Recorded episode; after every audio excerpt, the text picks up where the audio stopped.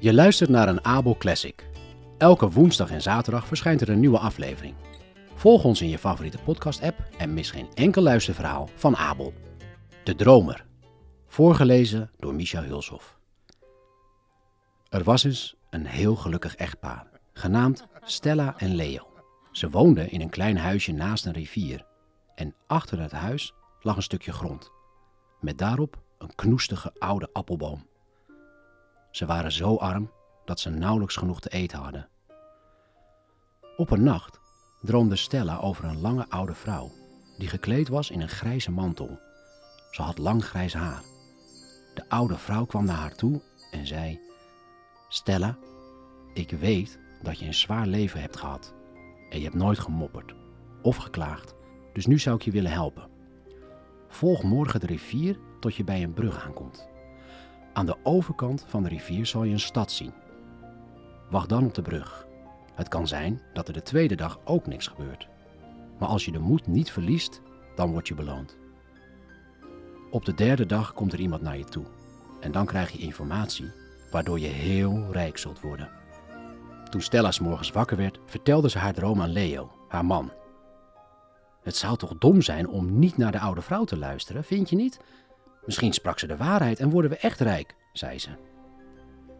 Onzin, antwoordde de man. De meeste dromen zijn bedrog. Ga naar de buren en vraag of zij niet wat hout voor je hebben, wat je voor ze kunt hakken, zodat je een paar centen kunt verdienen en morgen eten kan kopen. Dus Stella deed wat haar man zei, ging naar de buren en werkte daar de hele dag.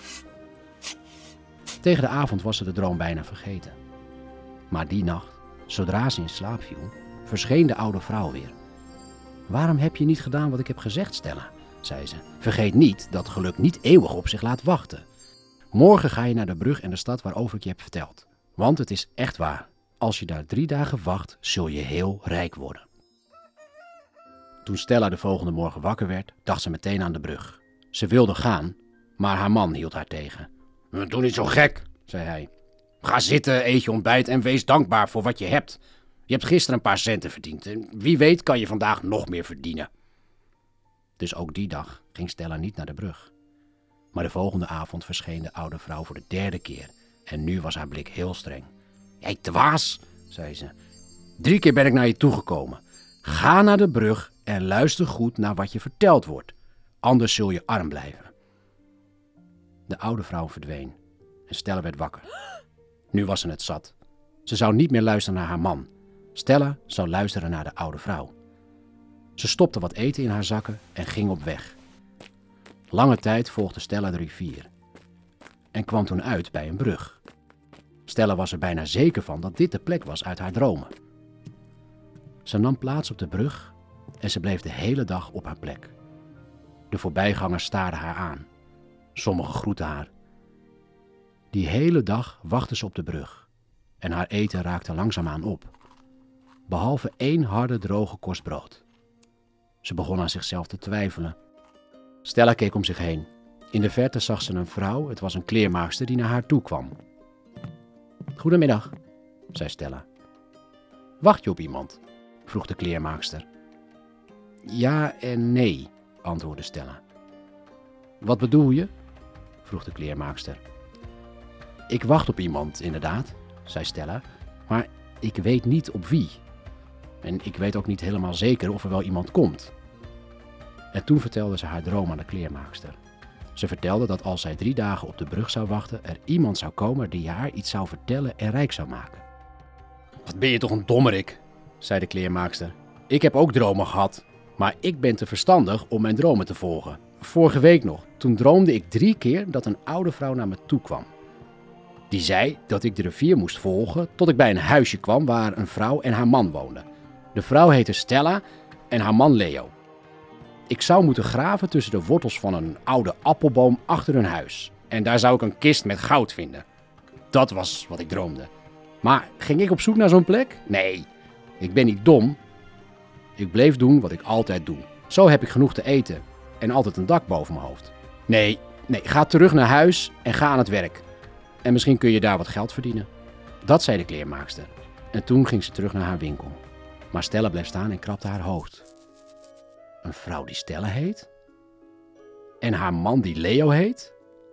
En een appelboom achter het huis? Het zou toch niet waar zijn?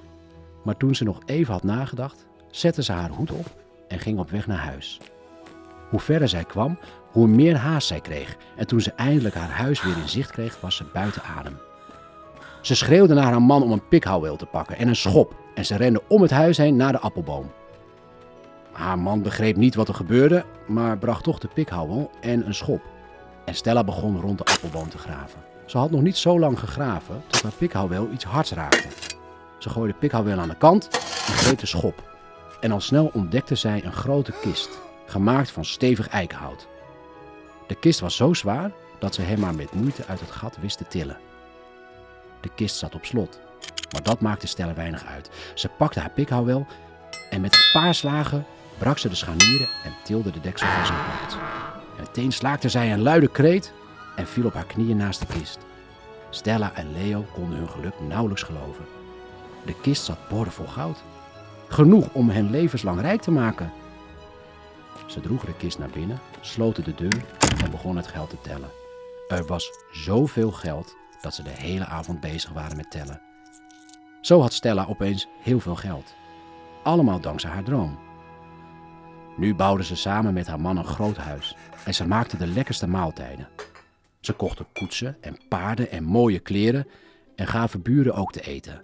Ook als er bedelaars aan de deur kwamen, gaven zij al het eten tot hun maag was gevuld en een stuk zilver voor onderweg. Op een dag trok Stella haar mooiste kleren aan en liet ook haar man zich op zijn mooist kleden. Stella en Leo stapten in een van hun koetsen en liet de koetsier hen naar de stad rijden, waar ze op de brug had gestaan. Stella liet de koetsier voor de winkel van de kleermaakster stoppen. Toen de kleermaakster de koets voor haar deur zag staan en de mooie geklede mens erin zag zitten, dacht zij dat het een edelvrouw was en haar man, die misschien kleren bij haar kwam bestellen. Stella kwam naar buiten, boog, glimlachte en begroette de kleermaakster. Ze zei: Kent u mij nog? Nee, mevrouw, antwoordde de kleermaakster. Die eer heb ik niet.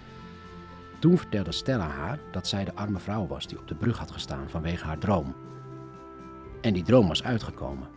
Want als de kleermaakster haar niet had verteld wat zij had gedroomd, zou zij niets weten van het goud dat onder de appelboom begraven lag. Dan zou zij nooit de rijke vrouw zijn geworden die ze nu was. Toen de kleermaakster dit verhaal hoorde, stond ze op het punt haar haren uit haar hoofd te trekken. Want als zij haar droom had gevolgd, had zij het goud misschien gevonden. En had ze een deel zelf kunnen houden. Maar Stella gaf haar honderd goudstukken om haar te troosten en bestelde een mooie jurk.